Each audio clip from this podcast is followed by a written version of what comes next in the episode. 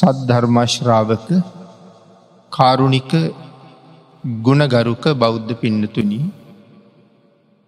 බොහෝම ශ්‍රද්ධාවෙන් යුක්තව සියලු දෙනාම සූදානන් වෙන්නේ තිලෝගුරු සම්මා සම්බුදුරජාණන් වහන්සේ විසින් ලෝක සත්වයන් කෙරෙහි අනුකම්පාවෙන් අවබෝධ කරගෙන දේශනා කොට වදාළ පරම ගම්බීර වූ ශ්‍රී සද්ධර්මරත්නයෙන් ඉතාම පුංචි ප්‍රමාණයක් දේශනා කරවගෙන ධර්ම ගෞරවය පෙරදැරි කරගෙන දේශනාගත ධර්මය ශ්‍රවණය කරන්න. පින්නතන අපේ බුදුරජාණන් වහන්සේ ධර්ම ශ්‍රවණය කරන්න සූදානන් වෙන සැදැහැති දායක පිරිස විසින් මහත් වූ බලාපොරොත්තුවක් පෙරදැරි කරගෙනම ධර්ම දේශනා ශ්‍රවණය කරනවන එය ඉතා වටින බව දේශනා කොට වදාළ. ඒ බලාපොරොත්තුව තමයි මේ ධර්ම දේශනාව ශ්‍රවණය කරන අතරතුරදීම මාගේ පංච නීවරණ ධර්මයන් යටපත් වේවා. සප්ත බෝධ්‍යාංග ආදී ධර්මයන් වැඩී දියුණු වේවා මේ දේශනාව අතරතුරදීම මට උතුම් මාර්ගයක් පලයක් අවබෝධ වේවා කියෙන සිතින් යුක්තවම ධර්මශ්‍රවණය කරන්න කියලා. ඒ බලාපොරොත්තුව මුදුන් පත් කර ගැනීම වෙනුවෙන්ම අපි ධර්මශ්‍රවණය කරම. පින්නතුනී ධර්මදේශනාවේ මාතෘකාව හැටියට අපි සාකච්ඡා කරමින් හිටියේ අචින්තෙය සූත්‍රය අංගුත්තර නිකායි චතුක්ක නිපාතය සඳහන් වෙන මේ උතුම් සූත්‍ර දේශනාව ඇසුරු කරගෙන එක ධර්ම දේශනාව මීට කලින් මේ දේශනා මාලාව තුළ අපි සාකච්ඡා කරන්න යෙදුණ. එම සූත්‍රයේ පදනම් කරගත්ත දෙවනි ධර්ම දේශනාවයි මේ සිදු කරන්න සූදානන් වෙන්නේ. පළවෙනි ධර්මදේශනාව නිමා කරන්න යෙදනි මේ ලෝක විෂය පිළිබඳව කරුණු කාරණා පැහැදිලි කරන. භාගිතුන් වහන්සේ මේ සූත්‍රයේ දේශනා කරනවා සත්වයන්ට හිතලා ඉවරයක් කරන්න බැරි විෂය හතරක් පිළිබඳව. බුද්ධ විෂය සත්ව විෂය ධ්‍යාන විෂය මේ අදි වශයෙන් විෂයන් හතරක් ලෝක විෂය සාකච්ඡා කරලා නැත්තන් හිතල ඉවර කරන්න බෑ කියලා. උමතු භාවයට පත්වෙනවා කියලා දේශනා කළා හිතුව. හිත වෙහෙසට පත්වෙනවා කියලා දේශනා කළ. ඒ කියන්නේ අපට හිතන්ඩම එපා කියන කාරණාවද අපට හිතල ඉවර කරන්න බෑ කියන කාරණාව. එමන පිඩතුන මේ සත්වයන් පිළිබඳව බුදුරජාණන් වහන්සේට තියෙන ඥානය කොපමනක් වෙනව ඇද්ද. කියන කාරණාව පිළිබඳව අපි අද මුලින්ම සාකච්ඡා කළුත් මේ බුද්ධ විෂය කොපමනද කියන කාරණාවයි මේ කරුණු තුළ අන්තර්ගත වෙන්න. සත්වයන් පිළිබඳව තියෙන ඥානය කියල සඳහන් කරහම මෙතන සඳහන් කළා මහපොළොවේ උඩ මහපොළොවේ උඩත් සත්තු ඉන්නවා. මහපොළොව ඇතුළෙත් සත්තු ඉන්නවා. එනම් මේ මහපොළොව ඇසුරු කරගෙන ජීවත්වෙන සියලූම සත්තු ඊට අමතරව මහා සාගරයේ කොච්චර ජීවීන් ඉන්නවාද. අපිට තේරෙන්න්නෙත් නෑ මහසාගරයේ ජීවීන් ගැන අපි දන්නෙත් අපි දන්නෙත් නෑ. සමහර මත්සියෝ පිළිබඳව ධර්මය සඳහන් කරලා තියෙන. මෑත ඉතිහාසේ අපිට එහෙම කෙනෙක් කම්බ වෙලා නෑ. කොච්චර විශාල මත්සියෝ ගැන සඳහන් කරනවා. සඳහන් කරලා තියෙනවා සමහර මත්සේ මෙ තිමිය තිමිංගල තිමිර පිංගල ආදී මත්ස්‍යයන් පිළිබඳව සඳහන් කරන. ඒ එක මත්සයෙක් තමන්ගේ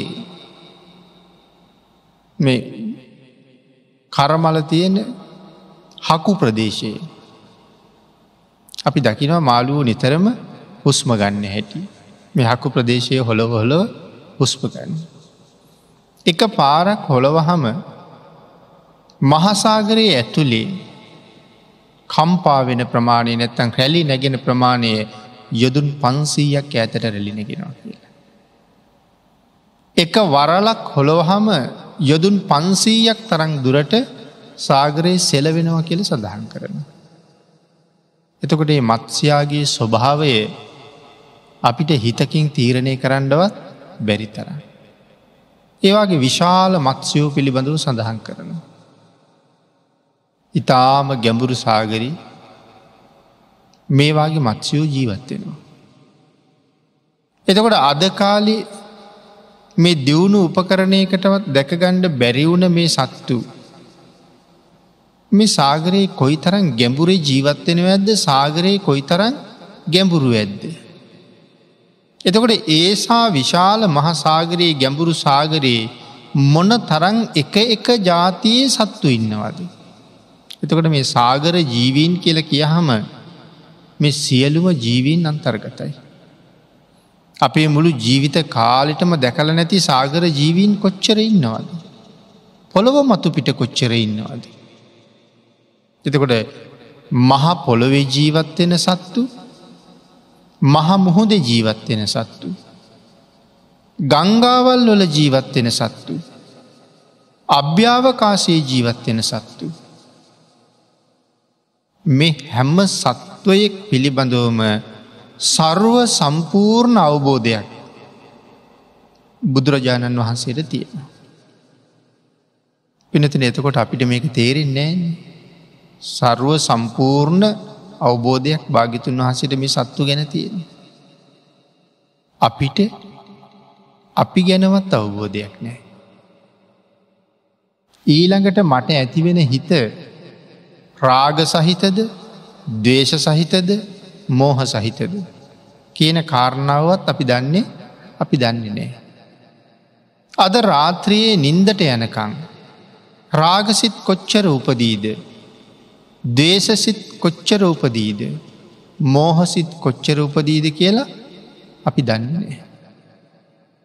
නමුත් අද දවසේ ඉදිරියට අපිට උපදින සිත් ගැන අපි දන්නේ නැතිකොට අපි මැරෙන තුරු විතරක් නෙමෙයි නිවන් දකිනතුරු.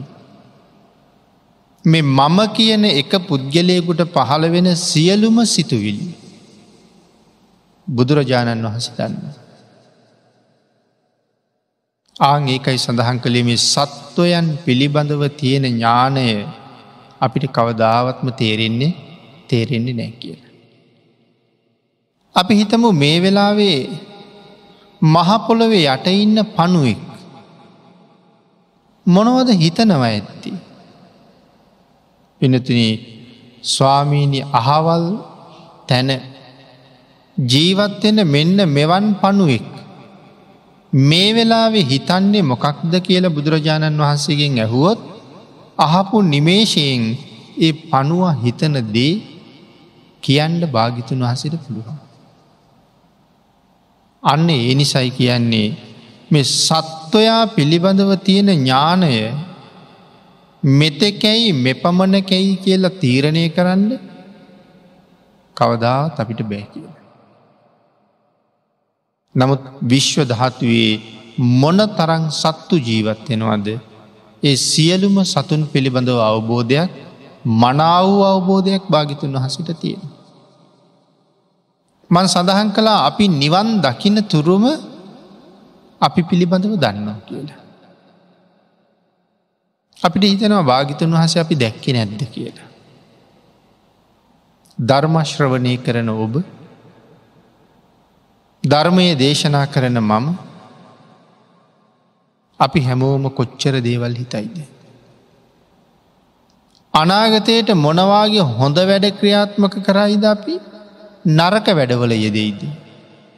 ඒ සියලුම දේවල් බුදුරජාණන් වහන්සේ දැකලයි තියෙන.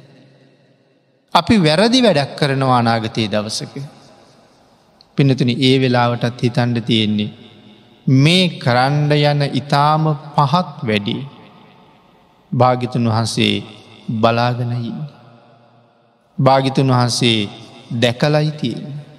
මම ඒ වැඩේ කරන්නේ අද නමුත් භාගිතුන් වහසේ මීට කලින් මේ වෙලාවට මොහු මේවාගේ පහත් නින්දිත වැඩක් කරනවා කියන කාරණාව මනාවදන්න. අන්න එහෙම හිතුවොත් අපි බොහෝ වෙලාවට අකුසල් කරගන්න ප්‍රමාණය හුඟ අඩු කරගන්න. අතීතය අය අකුසල් කරන්න සූදානන් වෙනකොට අකුසලයක් එළඹුණ හම අකුසලයට බය වුණා ලැජ්ජාව බය කියල කාරණා දෙකක් තියෙනවන. අකුසලයට බය වුණා. හේතුව අපි අකුසල් කරන බව අපේ ආරක්ෂක දෙවියෝ ඉන්නවන උන්වහන්සේලා දකිනවා. පුුණ්‍යවන්තයන්ට ආරක්ෂක දෙවියෝ ඉන්නවා. අපි පින් අනුමෝදන් කරනකොට අපගේ ආරක්ෂක දේවතාවෝද කියල පින් දෙනවා. ඒ පුුණ්‍යවන්තයෝ ආරක්ෂා කරන්න දෙවියෝ ඉන්නවා. දහම් පොත්පත් කියවනකොට එවන් දෙවියෝ ගැන සඳහන් කරලා තියෙනවා. අනාත පින්ඩික සිටිතුමා ගැන එහෙම සඳහන් කරනකොට මාලිගාව හිටපු එක දිව්‍යාංගනාවක් සිටිතුමාට දන් දෙන එක සීමා කරන්න කියල කියපු කතාවක් එහෙම සඳහන් කරන. දොරටුවේ ඉහල ඉන්න දිව්‍යාංගනාව. මහා බෝසතාණන් වහන්සේ මවකුසට වඩිනකොට බෝසතාණන් වහන්සේ ආරක්ෂා කරන්න දහදාහක් සක්වලේ හතලිස් දාහක් සතරවරං දෙවිවරු එක දිගට කඩු අරගෙන ආරක්ෂාවට හිටිය. ඉතින් ඒ වගේ පුුණ්‍යවන්තයන්ගේ ආරක්ෂක දේවතාව ඉන්නවා. එතකොට අපි බැරදි වැඩක් කරන්න යනකොට පෙරකරපු පින නිසා මගේ රැකවරණයට මගෙළඟ ඉන්න දෙවිවරු මං මේ කරන පෞකාර වැඩේ දකිනවා කියලා ලැජ්ජ හිතුනා. එතකොට අනික් දෙවිවරු අපි කරන දේවල් දකින නිසා වැරදි කරන්න යෙදෙනකොට බයක් සහ ලැජ්ජාවක් ඇති කරගන්න. ගොද අපිට කරදරයක් වෙච්ච වෙලාවට අපි සමහර වෙලාවට කියනවනේ දෙවියන්ටවත් පේෙන් නැද්ද මේ දුක කියන. දෙවියන්ට හොඳටම ඒ දුක පේනවා. හැබැයි දෙවියන්ට අපේ දුක විතරද පේන්නේ. ඒ දුකට පත්වෙන්ඩ ඉස්සරලා අපි කරපු හැම වැරදි වැඩක්මත් ඒ දෙවියෝ දැක්කා. හොඳ වැඩක් කලානං ඒකත් දැක්කා. පිහිටක් වෙනවා වැඩිපුර මෛත්‍රී ගුණ තියෙනවන සීලය දියුණු කරමින් ඉන්නවන සමාජයට යහපතක් කරන කෙනෙක් නං දෙවියු පිහිට වෙනවා. මොහු අතින් සමාජයට වෙන්නෙම අයහපතක් නම් විනාසයක් නම් එහෙම අය පිහිට වෙලා ආරක්ෂා කළොත් නැවත වතාවක් ඒගොල්ලු සමාජයට යහපතක් කරයිද අයහපතක් මයි කරන්නේ එහෙම අයට පිහිට වෙන්නේ නෑ. එනම් අපි දෙවියන්ටවත් පේෙන් නැද්ද කියල කිවට දෙවියන්ට හොඳටම හොඳටම පේනවා. අතීතය අය ඒ නිසත් පව් කරන්න බයවන. දෙවියෝ දැක්කේ නැතත් අනිවාර්යෙන්ම රහතන් වහන්සේලා දකිනවා. එනම් රහතන් වහන්සේලා සියලු පව් සිත් නැති කරලයින්නේ පවසිත් නැති කරලා. පින් කරන්නෙත් නෑ පව් කරන්නෙත් නෑ. ලෝකයට මහා පුුණ්‍ය නිධාන. ලෝකයාගේ මහා පින්කෙත ආගේ රහතන් වහන්සේ අපිව දකිනවා. ඒ නිසා පව් කරන්න ලැජ්ජයි. පින්නතින කවුරු නොදැක්කත් බුදුරජාණන් වහන්සේ නං හොඳටම හොඳටම දකිනවා.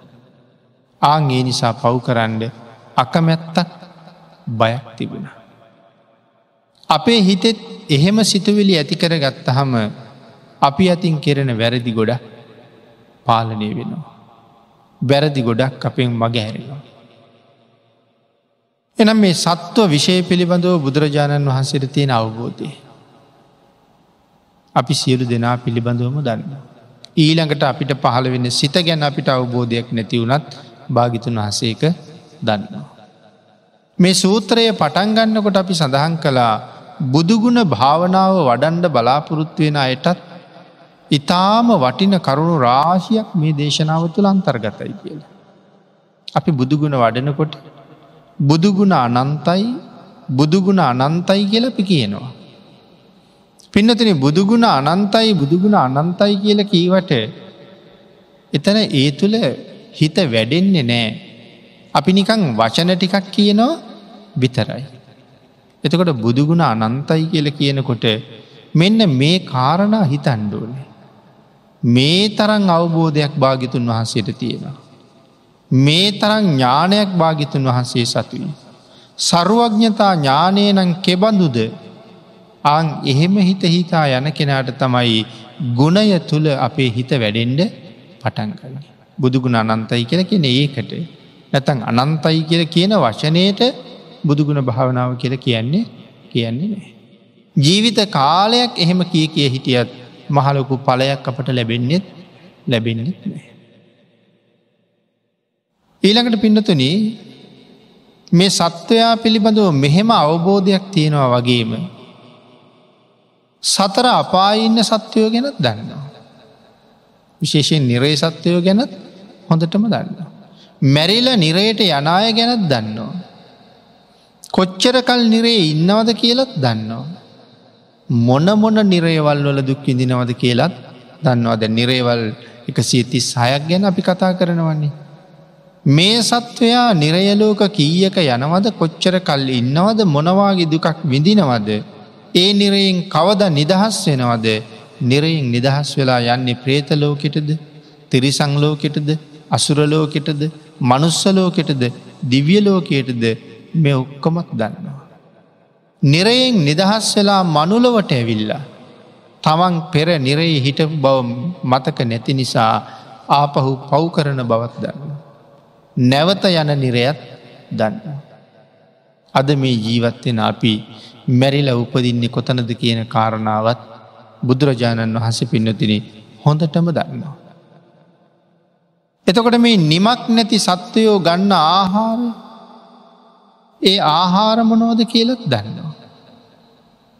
වතුරබොන්නේ කොහොමද කියන කාරණාවත් දන්නවා. ආහාර සපයගන්න හැටිත් දන්නවා. මේ විදිහට කතා කරන්න ගිය හම සෑහෙන කරුණු ප්‍රමාණය කතා කරේ. කෙටියෙන්ම කීවොත් සත්වයෙන් සම්බන්ධව හාත් පස සියලුම කාරණා බුදුරජාණන් වහසේ හොඳටම හොඳටම දන්න. ඒකයි සත්වයන් පිළිබඳව තියෙන ඥානය කියල කියන. අහවල් සතා ගැන අහවල් හේතුව ගැන කරුණ ගැන දන්නේ නෑ කියල කාරණාවත් නෑ. ඊළකට පින්නතනේ ධ්‍යාන විෂය පිළිබඳව තියෙන ඥානය සඳහන් කරනවා අපේ බුදුරජාණන් වහන්සේ. ගණ්ඩබ්බ රුක්කමූලයේදී යමක මහා ප්‍රාතිහාරය දැක්වවා. ඒ කරුණු අපේ පිණිතු නහල ඇති. යමා මහ ප්‍රාතිහාරය ගැන. යමක මහා ප්‍රාතිහාරය දක්වල තීර්ථකයන්ගේ මාන බිඳල ඊළඟට බුදුරජාණන් වහස කොහටද වඩින්නේ තවතිසාාවට. කොහොමද තවතිසාාවට වඩින්නේ පියවර දෙකකින්. තවතිසාාව කොච්චර උඩද තියෙන්නේ. මහාමීරු පර්වතය මුදුනේ තමයි තවතිසාාවතිය. මහපොළොව ඉඳල කොච්චර උසද යොදුන් අසූ හතරදාහයි. පළවෙනි දිවියලෝක තියෙනවා කියල සඳහන් කරන්නේ මනුස්ස වාසයදලා යොදුන් හතලිස් දෙදාහක් උඩින්. ඊළඟ දිව්‍ය ලෝක තියෙන්නේ ඒ දිව්‍ය තලයඉඳල යොදුන් හතලිස් දෙදාහක් උඩින්. එනම් පළවෙනි දිවිය ලෝකයේ චාතුම් මහාරාජිකය දෙවනි දිව්‍ය ලෝකයේ තවතිසාාව. එනම් තවතිසාාව තියනෙ මනුස්ස තලයේ ඉඳලා යොදුන් අසූ හතරදාහත් උඩින්. මහමේරු පර්වතයේ සාගරයෙන් උඩට තියෙන කොටසත් යොදුන් අසූ හතරදාහයි. එහෙමනං තවතිසාාව තියෙන්නේ මහමෙර මුදුවි. අපේ බුදුරජාණන් වහන්සේ යමක මහා ප්‍රාතිහාරය දක්වලා හත්වෙනි වස සමාදන් වෙන්නේ තවතිසා භවනි. එනිසා ප්‍රාතිහාරයෙන් පස්සේ කෙලින්ම වඩින්නේ තවතිසා භවනට. පියවර දෙකයි තියෙන. එක පාදයක් යුගන්දර පර්වතය මුදුන තියෙනවා. යුගන්දර පර්වතය මුදුනේ තමයි චාතුම් මහාරාජකය තියෙන. දෙවනි පියවර මහමෙර මුදුනේ තියෙන. යොදුන් යොදුන් හතලිස් දෙදාහක් යුගන්දර පර්වතය මුදුනේදලා යොදුන් හතලිස් දෙදාහ. එතකොට බුදුරජාණන් වහන්සේගේ සිරිපාදය යොදුන් හතලිස් දෙදාහක් ඇතට දිගු කලාද සඳහන් කරනවා භාග්‍යතුන් වහන්සේ යම් ගමනක් වඩිනකොට. මේ සිරිපාද දෙක යම් ප්‍රමාණයක දුරින් නං තියන්නේ. ඒ දුර වෙනස් වෙන්නේ නෑ කියලා. එහෙමනම් මහමෙර මුදුනට සිරිපාදය ඈත් කරලා තිබ්බනෙමි. ඊළඟට ප්‍රශ්නයක් අහනවා එහෙනම් සිරිපතුල පිළිගණ්ඩ මහමෙර නැමුණද කියලා බලාගෙන ඉන්න කෙනෙකුට එහෙම හිතන්න පුළුවන්. නමුත් භාගිතුන් වහන්සේ සිරිපාදයේ දික් කරන්නෙත් නෑ මහමේරුව පත් වෙන්නෙත් නෑ. නමුත් භාගිතුන් වහන්සේ පියවර දෙකෙන් යදුන් අසූ හතරදාහක් වඩින. නමුත් අපිට තේරෙන්නේ නෑ ඒ කොහොමද කියලා. මේක තමයි ධ්‍යාන ලාබීකුගේ තියෙන ආශ්චරී. අන්න ඒකයි කිව්වේ මේ කරුණු හිතන්ඩ ගියොත් කොහොමද ඒ වැඩියේ ඒක හිතන්ඩ ගියොත් අපේ හිත බෙහෙසට පත්වෙන. ඒම නැත්තන් උමතු තත්වයට පත්වෙනවා. ධ්‍යාන ලාබීකුගේ ධ්‍යානය අපට තේරෙන්නේ නෑ කියන කාරණාව තමයි මේ සඳහන් කරන්න. තවතිසා භවනට වැඩම කරපු අපේ භාගිතුන් වහන්සේ. වස් සමාදන් වෙන්නන වඩින්නේ. එතකොට සක්‍ර දේවේන්ද්‍රයන් වහන්සේ ඇතුළු පිරිස දන්නවා අද අපේ භවනට භාගිතුන් වහන්සේ වඩිනවා අපටම අනුකම්පාවෙන් දෙවියන්ට අනුකම්පාවෙන් මෙහි වස් වසන්ඩ. බුදුරජාණන් වහන්සේට පිළිගන් වන්ඩ තියෙන ආසනය මොකක්ද. තෞතිසාවී තියෙන හොඳම ආසනය මොකක්ද කියල කල්පනා කරනවා. සක්‍ර දේවේන්ද්‍රයන්ට වැටහෙන්නෙම පාණ්ඩු කම්බල සෛලාශ. ඒක ඇනෙ තෞතිසාවි තියෙන සැප සහිතම ආසනය. සක්‍ර දේවේන්ද්‍රයන්ගේ පුන්්ඩරීක කියන උයනේ පරසතු කියන ගහ තියෙනවා. පරසතු රුක අපි හලතිනවා පරසතු මල් ගැන. මේ ගහේ කඳේ ඉඳල යොදුන් සීයක්. හාත් පස ගහේ වට ප්‍රමාණය අතු පැතිරිලා තියෙන්නේ. යොදුන් සීයක්. ඇතැක්ම නවසිය ගානක් එහෙම. ඉතන්නක කොච්චර විශාලද කියන. මේ ගහ යට පුන්ඩරීක කියන උයනෙ තමයි මේ ගහ තියෙන. මේ ගහ යට තමයි පාණ්ඩු කම්බල සෛලාශනය තියෙන්නේ. මේ ආසනය කොච්චර දිග ඇද්ද ඔය ආසනය ගැන කුඩා කාලින්ද ලහලතියෙන. මේ ආසනයේ දිගයි කියල සඳහන් කරනවා යොදුන් හැටක්. යොදුන් හැටක් කියහම් සාමාන්‍ය හැතැක්ම හයසීයකට ඉතර ආසන්නයි. හයිසීයක්ම නෑ ඊට ආසන්නයි. ආසනයේ දිග. ආසලේ පලල යොදුන් පණහයි කියල කියන්නේ. ආසනය උස යොදුන් පහළවයි. වට ප්‍රමාණය ගත් හම යොදුන් අටසීයක් විතර කියල කියන්නේ. මුළු වටේම වට ප්‍රමාණය. දැන් එතකොට මේසා ඉඩක පැතිරිලා තියෙන මෙ සැප සහිත ආසනයේ බුදුරජාණන් වහන්සේ වැඩහිටිය හම මේ ආසනයේ කොච්චරනං ඉඩක් ඉතුරු වෙයිද. නද මේ දැවන්ත ආසනයේ භාගිතන් වහස වැඩහිටිය හම මොන තරං ඉඩක් ඉතුරු වෙනවාද. දැ දෙවියෝ එහෙම හිතනවා. මේ වෙලාවේ තෞතිසාවට රැස්වෙන දෙවියන්ගේ ප්‍රමාණය සක්කොලවල් දහදාහකින් දෙවිය රැස්සෙන. ඉතා විශාල ශරීර තියෙන දෙවියෝ තමන්ගේ ඇඟ කුඩා කරගන්නවා. මානෙන් තොරව කොච්චර ඇඟ කුඩා කරගනද. අප පිනතුට මතකද ඉදිකටු සිදුර. ආංගේ ඉදිකටු සිදුරක් ඇතුළට දෙවිවරු හැටක් බහිනව කියල සඳහන් කරන්න. හිතන්නක මොන තරන් ඇඟ කුඩා කරගෙනද කියලා. අපිට නූල් පොටවල් දෙකක් දාගණ්ඩ ගියොත් කොච්චර අමාරුවේදී.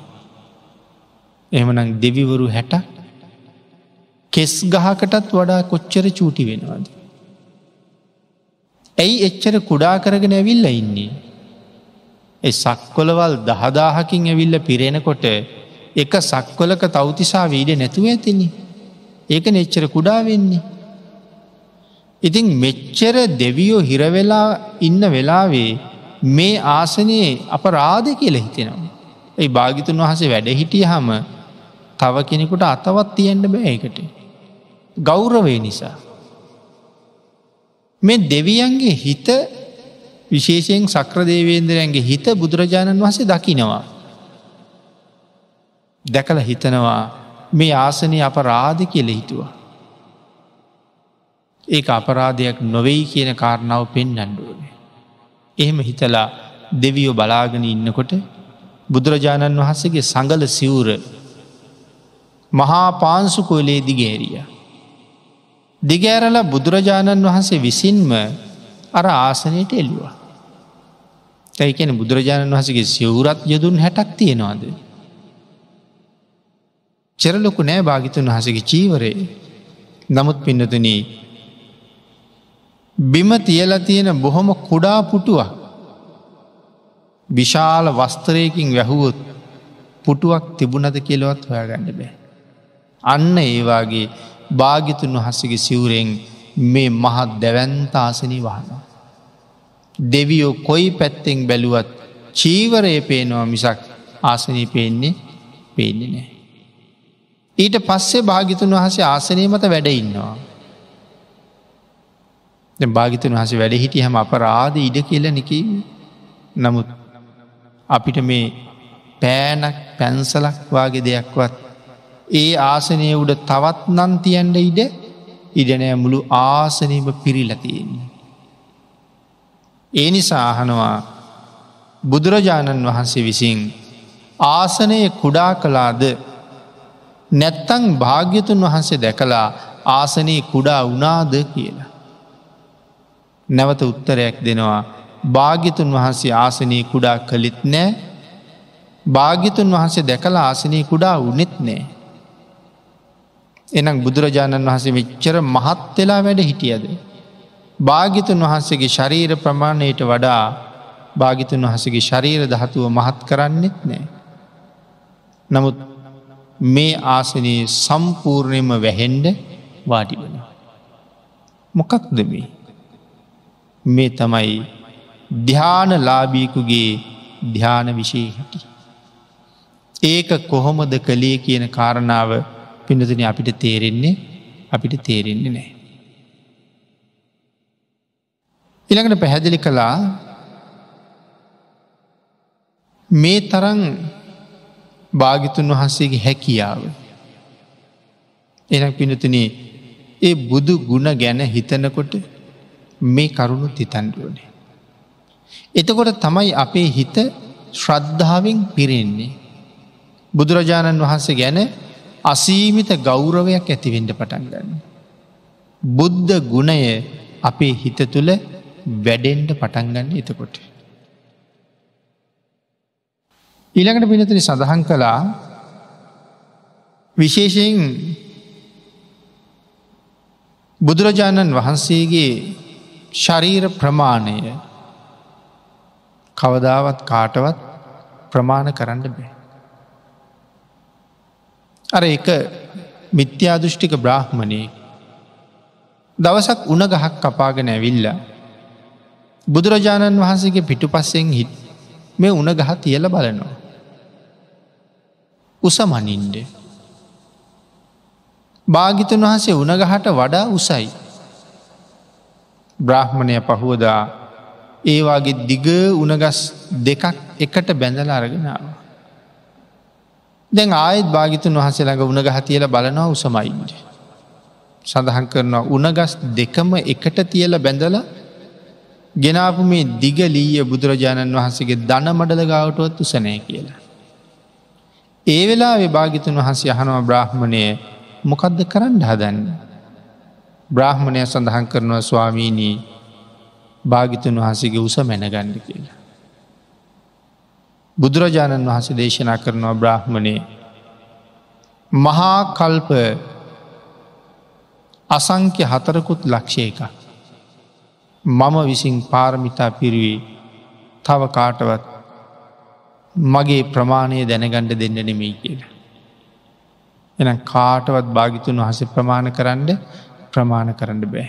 ඒ නිසයි සඳහන් කළේ බ්‍රහ්ම භූතන් අති තුළා. කාටවත් බුදුරජාණන් වහන්සේ ප්‍රමාණය කරන්නත් බෑ තුලනය කරන්නත් බෑ. තුලනය කරන්න බෑ කියල කෙන අභිභවනය කරන්න කරන්න බෑ කියල එකයි. පිනතින මේ අසුර රාජයන්ගේ අපි අසුරයෝ කියල කතා කරන්නේ. ඒ කතා කරන්න අර සතර අපායට අයිති අසුරයෝ ගැන නෙමෙයි මේ කතා කරන්නේ. තවතිසා දිව්‍යලෝකෙ දෙවිවරු කොච්චර සැපක් බුක්තිවිඳිනවද ඒ දෙවියන් හා සමාන සැපක් බුක්තිවිඳින අසුර කියල කණ්ඩායමකින්න. අපි සමහර වෙලාවට ධර්මයෙන් අහනො මේ සුර අසුර යුද්ධයක් ගැන. ඒ යුද්ධ කරන්න අර දුක්කිත අසුරයෝ නෙමෙයි මේ කතා කරන අසුරුයි. අසුර භවන කොහෙද තියෙනව කියල කියන්නේ අසුර භවන තියෙන මහමෙර පතුලි. තෞතිසාව වගේම විශාලයි. තෞතිසාවේ වගේම හාත් පස පැතිරිච්ච ගහක් තියෙනවා අසුර භවනය. තෞතිසාව යම්සේ දසුර භවනත් එසේමයි. එතකොට මේ අසුරයෝ කවුද මේ ගොල්ලො තෞතිසාවම හිටපු පිරිසක්. නමුත් පස්සේ එතෙන්ට ගිය කොහොමද. සක්‍ර දේවේන්ද්‍රයන් වහන්සේ නම ආයු සංස්කාර ඉවර කරලා. චුත වෙලා. අලුත් සක්‍රයෙක් පහළවෙඩ යන්න. දැන් අලුත් රජු පිළිගණ්ඩ මේ දෙවියෝ සුරාවක් හැදවා. පානය කරන්නට. අලුතෙන් පහළවෙච්ච සක්‍ර දේවේන්ද්‍රයෝ අනික් දෙවියන්ට ඒ සුරාව පානය කරන්න දුන්නේ. සුරා පානය කරපු අය සියලු දෙනාම මුහුදට විසි කරන්න කියල කිව්වා. මේ මත්තෙච්චාය මේ තවතිසාවි තියාගණ්ඩ පා කියලා. ඔක්කොම උත්සල මුහදට විසික්කා. අයෙන්ඩ පා කියලා. නමුත් ඉතින් තෞතිසාාව උපදින්ට තරම් පින්කරපු අයිනි. මහා පුුණ්්‍යවන්තයෝනි. ඒ දෙවියන්ගේ සුරාව පානය කලා කියලා දිවියලෝක ඉන්ඩ තියෙන අයිතිය නැතුව යනවද. අයිතිය නැතුව යන්නේ නෑ. සැපවිඳින්ට කරපු පින හීන වෙනවද. ඒ පින හීන වෙන්නෙත් නෑ. මනුස්සලෝක මිනිස්සුත් සුරාපානය කරන්නේ. ඒ මිනිස්සු සුරාපානය කලා කියලා සුරාපානය කරපු ගමම්ම ඒගොලන්ට මනුස්සලෝක අහිමි වෙන්න ෑන. තමන්ගේ සැප සම්පත් අහිමි වෙන්නෙත් නෑන. කාලයක් එක දිගට නිමක් නැතුව කරගෙන යනකොට නම් අහිමි වෙනවා. නමුත් සාමාන්‍යින් අහිමි වෙන්නේ නෑ ඇයි පෙරකරපු පින තාම තියෙනවනේ. දැන් පව් එකතු කලාට පෙර පින තියෙනවා. ඔබත් මමත් හැමෝම මේ බුක්තිවිඳගෙන යන්නේ පෙර පෙර පින මේ විඳින්නේ. බිඳිනව විඳින්ට විඳින්ට මොකද වෙන්නේ.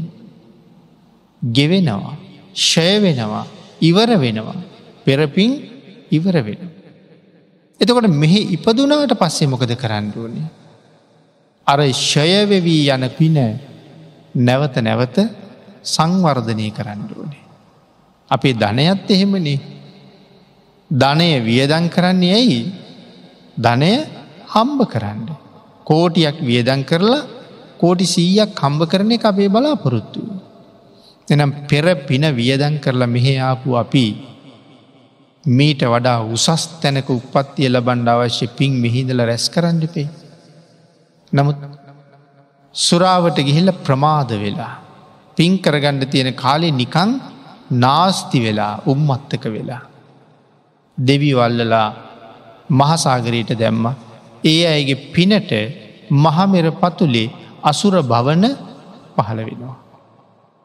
හැබැයි දෙවියොත් එක තරහයි. ඇයි තවතිසාාවෙන් පිටමං කලාන එහින්ද තරහයි. මේ අසුරයන්ගේ ප්‍රධාන රජවරු තුන් දෙනෙක්කින්නවා. එක්කෙනෙක් පහාරාද අනිත් එක්කෙන වේපචිත්ති අනුත් එක්කෙන රාහු පහාරාද අසුරයයි වේපචිත්ති අසුරයයි රාහු අසුරේන්ද්‍රයයි.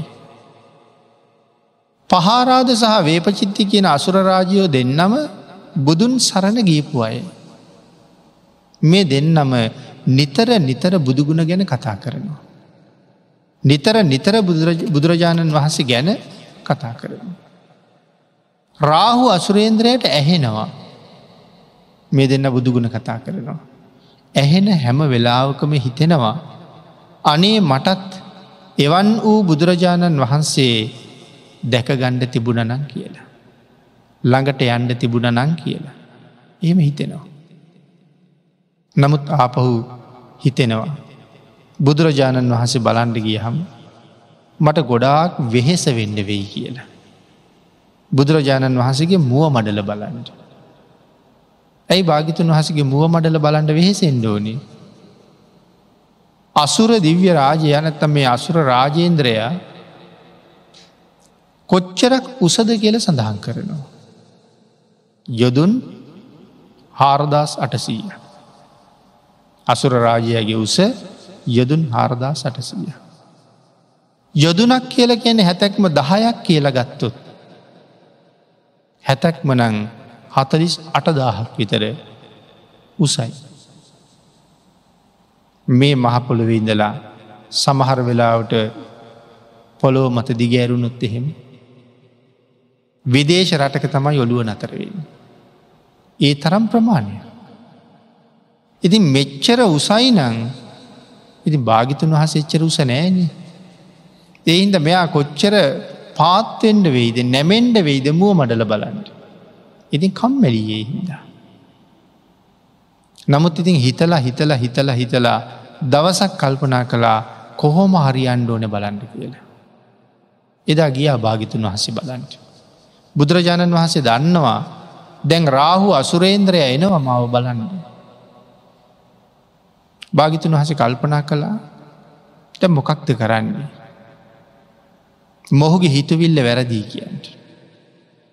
ඒ නිසා රාහු අසුරේන්ද්‍ර එන්නේ යම් පැත්තකින්ද ඒ පැත්තට සිරිපාදහතුව දිගු කරලා භාගිතන් වහන් සැතපෙනවා. රවහසුරේන්ද්‍ර එන පැත්තට සිරිපාදහතුව තමයි තියෙන්නේ. ඈතින් එනකොටම භාගිතන් වහන්සගේ සිරිපාද පේනවා. පාද තලයේ යට යටිපතුලි පිහිටලා තියෙන මංගල ලක්ෂණ. අසූ අනු ලක්ෂණ. දෙසිය දාසයක් මංගල ලක්ෂණ. රාහු අසුරේන්ද්‍රයට පේනවා. මේ තරං ලස්සන සිරිපතුලක් තියෙන. මේ මහාපුරුෂයාගේ මුව මඩල කොයි තරං ලස්සන ඇද්ද කියල හිතෙනවා. ශ්‍රීපාද මණ්ඩලේ ගාවට මේනවා. ඇවිල්ල බැලුවා. සැතපිලා ඉන්නවා. ඒත් මූුණ නෑ මුව මඩල තියෙන හුඟ ඇත. පේෙන් නෑමයාට.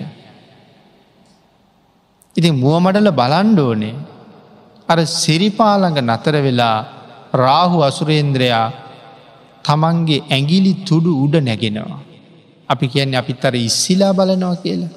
ඇගිලි තුඩ උඩ නැගලා බලනවා මුව මඩල පේනවාද කියලා. ඒත් පේන්නේ නෑ. ආං ඒ වෙලාවේ රාහු අසුරේන්ද්‍රගේ මානය බිඳෙනවා. මෙච්චර කල් මම ආවෙ නෑ මේ මුව මඩල බලන්න හුඟක් වෙහෙසෙන්ඩ වෙයි කියලා. නමුත් අද මට මේ තරං දැවන්ත ශරීරයක් තිබිලත් උසක් තිබිලත් උන්වහන්සේගේ මුව මඩලවත් පේන්නේ. බුදුරජාණන් වහන්සේ අහනවා රාහු අසුරේන්ද්‍රය මොකක් කරන්න දහදන්න කියලා. ස්වාමීනී ඔබ වහන්සේගේ මුව මඩල බලාගන්ට. එන අසුරේන්ද්‍රයාගේ මාන බිඳල දෙන්න. නමුත් මෙහෙම දෙයක් කරන්න පුළුවන් ධ්‍යාන ලාබියකුටම විතරයි. නමුත් එය කළේ කොහොමද කියන කාරණාව අපි කාටවත් තේරෙන්නේ තේරෙන්නේ නෑ. එනම් ධ්‍යාන ලාබීකුගේ ධ්‍යාන ශක්තිය. කොයි තරන්ද කියන කාරණාව තවත් කෙනෙකුට වැටහෙන්නේ.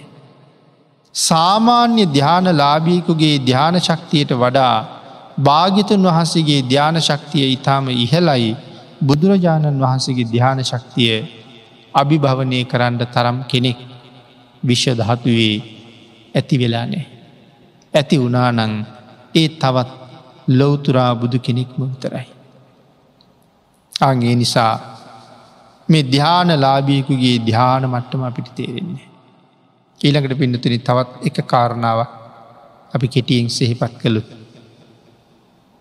ගුණය ගැන කොයි තරම් ගුණයක් තියෙනවද. රතන සූත්‍ර අට්ට කතාව පැහැදිලි කරනවා. මුළු ජම්බුද්ධීපය පුරාම එකින් එක එකින් එකට ගැටෙන්ඩ නිසීදන පනවලා. පසේ බුදුරජාණන් වහන්සේල වඩා හිදුවන. ඒ වාඩි වුණ හම දනමඩලෙන් දනමඩල ගැටෙනවා. මුළු දඹදුව පුරාම වඩා හිඳවලයින්න. ඒ සියලුම පසේ බුදුරජාණන් වහන්සේලගේ ගුණය ලොවතුරා භාගිතුන් වහන්සේගේ ගුණයත් එක සංසන්ධනය කරන්න ගියොත්. අපට ඒ ගුණය ප්‍රකාශ කරන්න සංඛ්‍යාවක් නෑ කියල කියන. මේ සියලු පසේ බුදුරජාණන් වහන්සේලගේ ගුණය භාගිතුන් වහන්සේගේ ගුණය ළඟ රින බින්දුවයි කියල කියන්නවත් බෑ. එකකි කියන්න සංඛ්‍යාවක් නෑ. සොලොස් කලාවෙන් කොච්චරයිද කියලා කියන්න ගියොත් සොලොස් කලාවෙන් එකක්වත් එකක්වත් නෑ. එතකොට පසේ බුදු කෙනෙක් කියල කියන්නේ අසී මාන්තික ගුණ කඳ. නමුත් මේ සමාන කරන්නේ ලොවතුරා බුදුරජාණන් වහන්සේත් එක්ක සමාන කරහම මුල්ලු දඹදිව් තලය පුරාම දනමඩලෙන් දනමඩල ගැටෙන්ඩ පසේ බුදුරජාණන් වහන්සේලා වාඩි කරවලා ඒ ගුණය සංසන්ධනය කරන්න ගියොත්. භාග්‍යතුන් වහන්සේගේ ගුණෙන් සොලොස් කලාවෙන් මෙච්චරයි කියල කියන්න දෙයක් නෑ කියල සඳහන් කරන්න. එහෙනම් ඒ මහ ගුණ කඳ කවද පින්නතින අපි තේරුම් ගණ්ඩද. ආං එහෙම හිත හිතා තමයි මේ ගුණය තුළ හිත වඩන්ඩෝන. ධර්ම දේශනාවට තියෙන කාලේ නං නිමා වෙලා තියෙන නිසා අචින්තෙය සූත්‍රයේ ආශ්‍රයෙන් අපි සිදු කරන දෙවැනි ධර්ම දේශනාව මේ විදිහට නිමා කරමු තුන්වෙනි දේශනාවෙන් තවත් කරුණු ටිකක් සාකච්ඡා කරන්න ඉඩතියාගේ.